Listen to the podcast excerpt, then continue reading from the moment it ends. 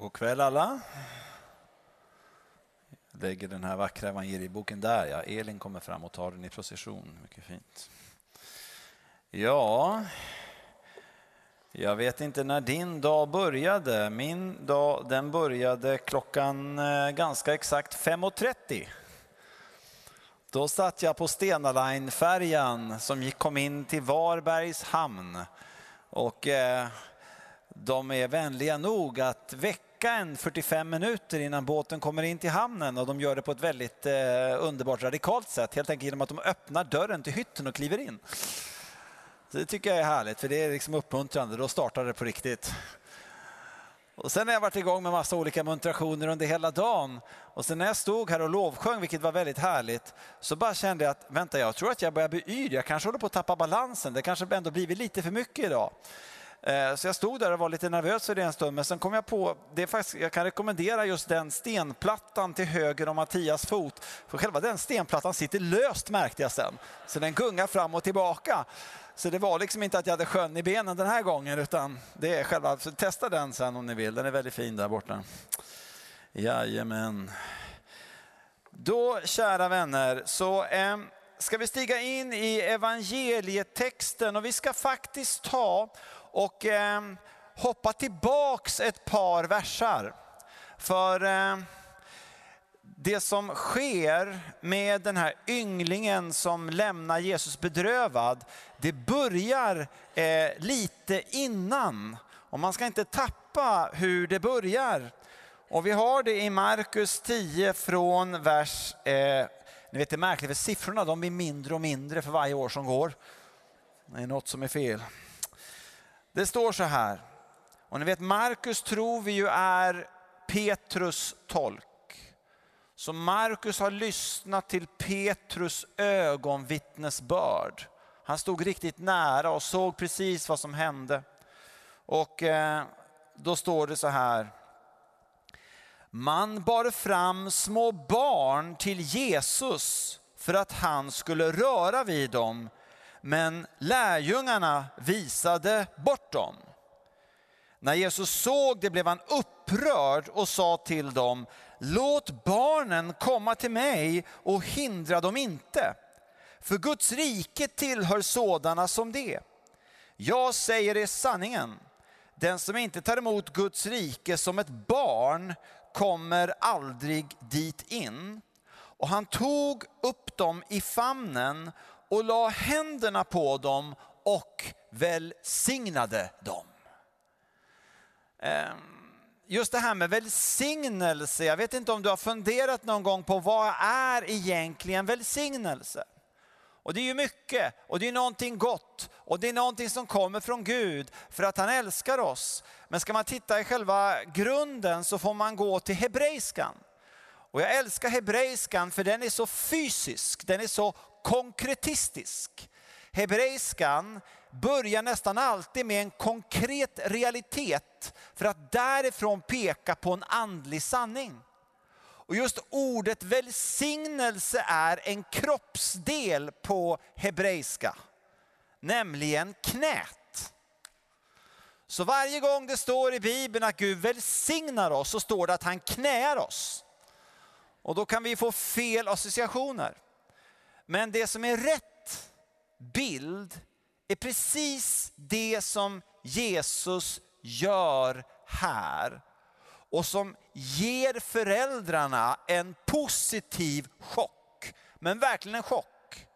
Till att börja med att Jesus överhuvudtaget tog emot barnen. Barnen sågs ju som, som på något sätt lägre stående, helt oviktiga till dess de blev lite äldre. Jesus bryter med allt det och tar emot barnen. Nästa sak, han sätter dem berech i knät. Det fanns en sedvänja att när husfadern skulle markera för hela världen att ett barn var hans barn, vare sig det var hans fysiska barn eller ett barn han i det ögonblicket adopterade, satte han barnet berech i knäna, på knäna, i famnen och så la han händerna på dem och beracha, välsignade barnet. Så det Jesus sa, som gav föräldrarna och alla andra också en positiv chock, det var att han sa att det här barnet, eller alla barnen som satte sig i hans knä en och en och som han välsignade noga, omsorgsfullt verkade som utifrån den grekiska grundtexten, det var hans barn ytterst sett. Det här verkade som att den rike ynglingen ser. För det är precis då han kommer in på scenen. För det står ju i Markus, när Jesus skulle vandra vidare sprang det fram en man som föll på knä för honom och frågade. Eh, och just det ordet står i grekiskan, han springer fram. Han är ivrig. Han har uppenbarligen sett vad Jesus gjorde med barnen. Han har sett, men han har ändå inte sett. Han har sett, men han har ändå inte sett. Och vad är nu hans fråga? Ja, lägg märke till att han faller på knä. Här har vi en person som inte sätter sig i Jesu knä utan faller på knä. Och det är naturligtvis underbart när vi faller på knä inför den helige för att igenkänna hans storhet. Det visar på hans respekt för Jesus, hans högaktning av Jesus. Och det bygger ju vidare när han sen titulerar Jesus gode mästare. Så långt allting väl. Men nu kommer fel nummer ett. Den här mannen är inte som du som alltid är perfekt. Utan han gör fel. Kan du tänka dig? Så fel nummer ett som han gör, det är att han ställer frågan, vad ska jag göra för att få evigt liv? Det han är ute efter är alltså att själv göra någonting, själv prestera någonting för att få det dyrbaraste av allt dyrbart, det som bara Gud kan ge, nämligen evigt liv. Jag vet inte om du känner igen dig. Vi vill göra någonting själva. Vi vill prestera fram någonting för att få en belöning av Gud. Och så kommer Jesu respons. Han börjar med att säga till honom, varför kallar du mig god? Ingen är god utom Gud. Och eh, jag skrev en liten formulering här som jag tyckte kanske var lite fiffig. Eh, det visar på min begränsade hjärnkapacitet, men jag tyckte den var intressant. Och, och det var att, att, man kanske kan säga så här, att Jesus säger till den här mannen, du har sett en skymt av vem jag är. Men vet du vem jag är?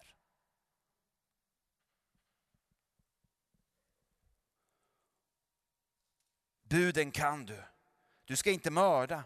Du ska inte begå äktenskapsbrott. Du ska inte stjäla. Du ska inte vittna falskt. Du ska inte ta ifrån någon det som är hans. Hedra din far och din mor. Och dessutom så har vi tillägget i ett annat evangelium att Jesus avslutar allting med att citera tredje Mosebok 19.18, som sammanfattar de bud han har lyft fram. Den delen av de tio buden han lyfter fram han avslutar med att säga, du ska älska din nästa som dig själv. Och då kommer mannens svar när han säger, mannen sa, mästare, allt det här har jag hållit sedan jag var ung. Kan tyckas lite stödigt. Men vi måste förstå att i den judiska världen på Jesu tid så talade rabbinerna om lagens minimum och lagens maximum. Och hör och häpna, folk gillade att hålla sig till lagens minimum. På den tiden ville folk göra det så lätt för sig som möjligt, kan ni tänka er? Mycket märkligt. Och lagens minimum är väldigt enkelt. Det är helt enkelt så här att du går och lägger dig ikväll och så ställer du dig själv frågan innan du somnar, har jag haft ihjäl någon? Det borde du veta om om du har haft. Och, och, kan du tycka nej där, då är det perfekt, för då har du hållit det budet. Eller du ska inte begå äktenskapsbrott, då kan du ställa dig själv frågan, har jag hoppat i säng med någon som jag inte är gift med? Har du inte gjort det, grattis, du har hållit det budet. Men det Jesus gjorde i bergspredikan, världens kanske mest berömda predikan, det är att han vrider upp kranen och så börjar han tala om lagens maximum. Känns det igen? När han börjar med att säga att ni har hört att det blivit sagt, du ska inte dräpa. Vad var det nu Jesus sa? Jo, vi kan faktiskt ta och läsa någon vers. Det, lite tid har vi. Är ni vakna? Jesus han sa så här. Ni har hört att det är sagt till fäderna, du ska inte mörda. Och den som mördar är skyldig inför domstolen. Jag säger er, den som blir vred på sin broder är skyldig inför domstolen. Och den som säger idiot till sin broder är skyldig inför rådet. Och den som säger dåre är skyldig och döms till det brinnande Gehenna. Där har ni lagens maximum. Ni har hört att det är sagt du ska inte begå äktenskapsbrott. Jag säger er, den som ser med begär på en kvinna har redan begått äktenskapsbrott med henne i sitt hjärta strike. Genom att vrida upp två av buden till lagens maximum, när Jesus håller den berömda bergspredikan, så har han slagit ut alla. Han har satt upp Guds enorma pannlampa. Han är som den enorma läkaren som genom detta ljus, när han vrider upp det till lagens maximum, så visar han att hela mänskligheten förutom han är fallen. Han ställer en förfärande diagnos på att arvsynden sitter inte som en liten finne som vi klämmer till frukost, utan sitter i djupet av vårt jag. Och nu då, tillbaka till Markus 10. Mannen sa, Mästare, allt det här har jag hållit sedan jag var ung. Och så kommer någonting oerhört viktigt när det står Jesus såg på honom med kärlek. Väldigt viktigt. Han sa inte det här hårt, han sa inte det här kallt, han sa inte det här dömande, han sa inte det här hånskattande, nu vet jag att nu sätter jag dit dig, det här klarar du aldrig. Nej, han säger det med kärlek. Det står i grekiskan agape. Och man skulle kunna översätta grekiskan här att, att Jesus såg på honom och Jesus älskade honom. Agape, det är Guds egen kärlek. Den som bara Gud är kapabel till, som är som ett vattenfall som bara flödar och flödar och flödar och flödar no matter what. Det var den kärleken som drev upp Jesus på korset. Det var den kärleken som fick Jesus att gråta som ett barn fastän människor spottade på honom, hånade honom. Så var hans respons, Far förlåt dem, de vet inte vad de gör. Det är Guds agape. Det är med den värmen, det är med den elden, men det är med den kärleken på ett extremt personligt sätt som Jesus såg på den mannen då och dig och mig här ikväll nu. Ser på honom med kärlek. Och så kommer lagens maximum. Ett saknar du. Gå och sälj allt du äger och ge till de fattiga. Så kommer du att ha en skatt i himlen. Kom sedan och följ mig. Det här var uppenbarligen den här mannens ömma punkt. Och utmaningen är ganska formidabel. En liten bara parentes om det tillåts. Det står i Lukas att han var högt uppsatt. Han hade en hög position. Jag, jag, vet inte, men, men, men, det kan vara så för en del av oss här att, att, just det här med att gå och sälja allt vi äger, det är klart att det är kanske något som skulle verkligen kosta på, vi kanske inte riktigt skulle vilja göra. Men, men, men det är kanske ändå inte det som på något sätt talar allra starkast till oss. Men position tror jag talar till många i vår tid. Alltså gå och sälj alla dina likes och kom hit. Eller hur? Det är så lätt att peka finger åt mannen där med sina ägodelar och han var gnidig och han var girig. Aj, aj, aj, vi älskar ju att titta på andra synder, eller hur?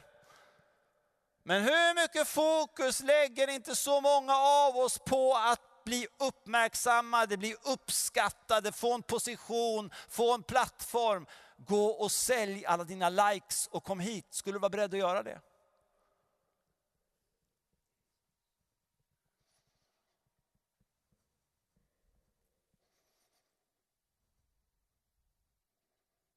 Nu kommer nästa fel. Han gör dubbelfel den här mannen. Är det inte uppmuntrande med andra som gör bort sig? börjar man nästan misstänka att man själv får vara med. Vad gör han nu? Jo, vid de orden mörknade mannen. Han känner hur det här smärtar. Men ni vet, att ordet smärtar, att syndainsikten kommer när lagens maximum vrids på. Det är egentligen ingenting som är fel. Uppenbarelse om synd, det är en del, det är en gåva från den heliga ande. Det som är felet är nästa sak som han gör, nämligen jämför honom med männen i Apostlagärningarna 2. De som fick höra att de själva genom sina synder precis som vi alla var delskyldiga i Jesu död på den där pingstdagen. När, när ordet står det på grekiska stang de som en kniv i hjärtat och det smärtade och de grät och de fick en syndainsikt genom att den heliga andes lampa lyste på dem med Guds kärlek. Då ställer de frågan, de går inte bort utan de ställer frågan, vad ska vi göra? Kan vi få komma och ta emot det här? Den här mannen han gör tvärtom. Nu frågar han inte längre vad han ska göra. Utan vad står det? Vid de orden mörknade mannen och gick bedrövad bort. Hans första fel var att han trodde att han skulle prestera sig fram till att ta emot allt det underbara Gud har att ge. Hans andra fel var att när väl Gud satte liksom pannlampan på det han behövde bekänna som synd och få förlåtelse för, då valde han inte att gå till Gud utan gå ifrån Gud. Någon som känner igen sig? Alltså jag går inte ifrån Gud så ofta, högst någon gång per dag. Och jag tänkte när jag förberedde den här predikan, jag menar, Jesus såg på honom med kärlek. Är det någon som är expert på att uppsöka den förlorade så är det han. Är det någon som har ett hjärta för den förlorade sonen så är det han som uppfann själva liknelsen. Eller hur? Det är han som ser den rike ynglingen gå bort bedrövad. Jag tror Jesu rescue mission redan var på gång. Och jag tänkte när jag förberedde denna mycket enkla förkunnelse.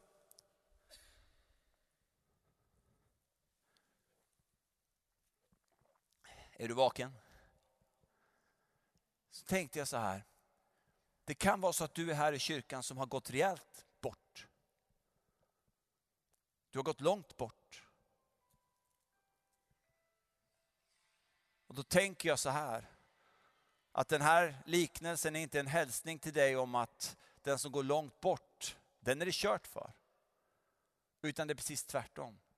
Hälsningen från Jesu hjärta till dig just nu, och jag vill inte låta ett dugg sentimental, utan det kommer från Guds ord här. Det är att Jesus är fortfarande där hos dig och han ser på dig med Guds egen agape.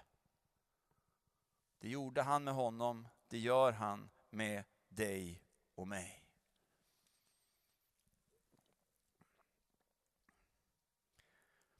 Får jag sticka in en liten parentes till?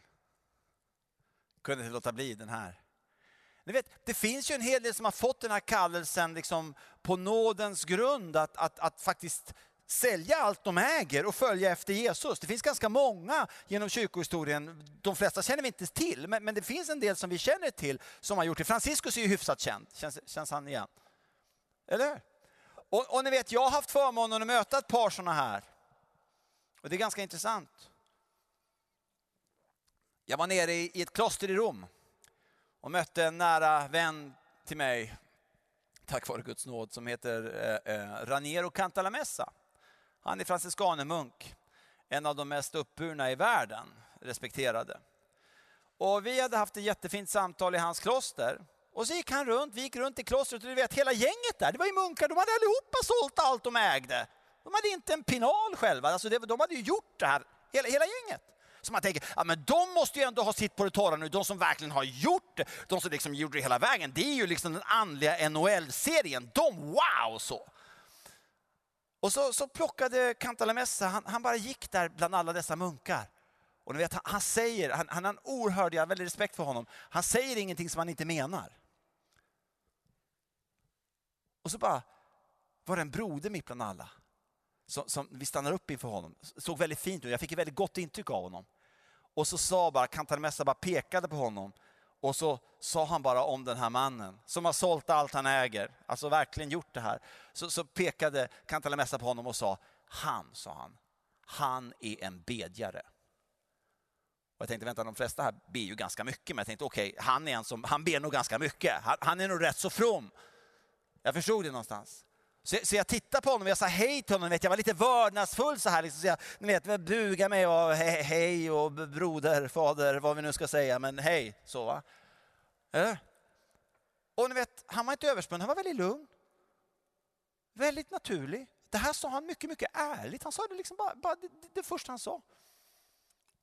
Det första han sa till mig när jag liksom, wow, du har sålt allt du äger och följer efter Jesus. Så sa han på, på mycket stort allvar, mycket enkelt, mycket naturligt, väldigt fridfullt. Så sa han till mig så här, jag är en superbedjare. Wow. Jag har inga problem längre med. Nej, det första han sa, vet du vad det var? Han tittade på mig och sa så här, jag är en syndare. Jag är en syndare. Så uppenbarligen fast han hade sålt allt han ägde, som säkert var på Jesu befallning och ledde precis till Guds kallelse att göra just detta extremt radikala. Ändå hade han tydligen desperat behov av att leva i nåden och ta emot Jesu förlåtelse varenda dag, för arvsynden var ändå där. Parentes. Vi börjar närma oss landning, jag lovar. Vi ska titta vidare här.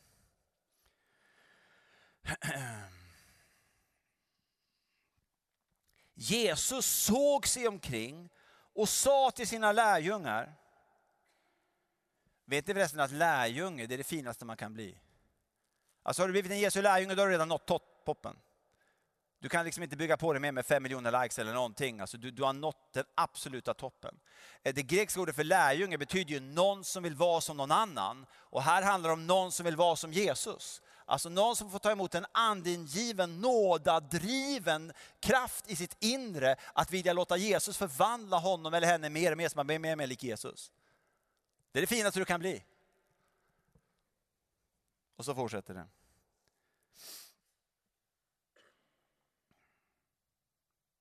Jesus såg sig omkring och sa till sina lärjungar, hur svårt är det inte för de som har pengar att komma in i Guds rike? Lärjungarna blev förskräckta över hans ord. Och lyssna nu, för här kommer någonting som jag tycker är ganska läckert. När jag såg, jag har inte sett det innan i texten, du har säkert sett det innan, men jag har inte sett det innan. Kommer du ihåg var allting började? Kommer du ihåg det? Hur var allting började? Det började med barnen, eller hur? Det började med, med, med, med, hur barnen satt och bara tog emot. Jag menar, de är helt hjälplösa. De bara tar emot och sitter där i Guds kärlek, i Guds nåd, i Guds förlåtelse. Och de är Guds barn tack vare Jesus. Och vad säger nu Jesus till vuxna karar och kanske vuxna kvinnor som var där? Jo, Jesus säger så här. Lärjungarna blev förskräckta över hans ord. Men Jesus sa än en gång till dem, mina barn, hur svårt är det inte att komma in i Guds rike? Det är inte en slump mina vänner. Mina barn. Det han talar om för dem, det är att han ger dem en ledtråd. Koppla tillbaka till det jag gjorde i början. Där har ni liksom facit på den här rebusen. Och så fortsätter han. Det är lättare för en kamel att komma igenom ett nålsöga än för en rik att komma in i Guds rike. Då blev de ännu mer förskräckta och sa till varandra, vem kan då bli frälst? Och det här var ganska roligt, jag hade faktiskt lite kul när jag slog på det här. Jag är på väg mot landning, jag lovar dig. Eh, jo, när jag slog på det här med kamel och, och nålsöga. Det finns massa förslag att kamel kanske betyder rep. Eh, det kanske är en bokstav som är lite fel i någon handskrift, så det kanske nog kan betyda ändå rep. Det var nog kanske inte en kamel han menade, utan det var nog kanske en snörstump. Men ju mer man studerar grekiskan och handskriften och vad som står, så märker man att det står nog, när Jesus sa kamel så menar han kamel. Ja men nålsöga då, det är kanske en port, en stadsporten där man behöver bara ta sig lite grejer och sen kommer man in. Det går nog ändå någonstans, man knixar lite grann sådär som en del har föreslagit. Och söker man efter vad fanns det för namn på portar, användes det här? Så kommer man fram till att nej, där det står nålsöga menar nog Jesus nålsöga. Så bilden är precis så bisarrt radikal som den är. Kan du se framför dig en kamel och ett nålsöga? Inte direkt kompatibelt om vi ska få kamelen igenom om man säger så. Alltså, vi kan inte göra detta av egen kraft. Vi kan inte förlåta oss själva, vi kan inte fylla oss själva med, med, med, någon kraft, vi kan inte ge oss själva evigt liv. Vi kan ju inte ens ta ett andetag själva utan att det är Gud som ger oss kraften. Och så kommer det allra sista som vi lyfter fram Jesus såg på dem och sa, för människor är det omöjligt, men inte för Gud. För Gud är allt möjligt. Och då tänker jag så här, ikväll är Jesus här. Han är här i nattvarden. När du går fram och tar emot nattvarden, Kristi kropp och blod, då sätter du dig i Jesu knä. Du stiger in i att du är hans barn. Du, du, tar emot. Och han ser på dig med samma agape som han såg på den rike ynglingen med. Och finns du här som har gått bort precis som han gjorde, så vet du att det är en som har stått där och tittat och längtat och väntat, ja till och med gått till dig ikväll för att föra dig tillbaka. Och det är han som är din skapare och som dog för dig på korset. Allt på samma gång. Det finns en ond makt. Han är bara en dålig förlorare. Men det finns en ond makt. Och den onda makten vill tala om för dig. Det är inte möjligt för dig att bli förlåten.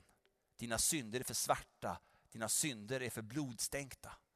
Det finns en röst som vill säga till dig, det är inte möjligt för Gud att ge dig en framtid här och nu och börja ditt liv på nytt igen ikväll. Men Jesus och det han säger till dig, mitt i ditt liv, hur det än ser ut, det är att han vill tala ut Guds sanning till dig. Han är ju Gud och människa på samma gång. Han som dog för dig på korset, han säger till dig ikväll, för Gud, för mig, i ditt liv, om du tar emot mig, är allting, allting, allting möjligt. Amen.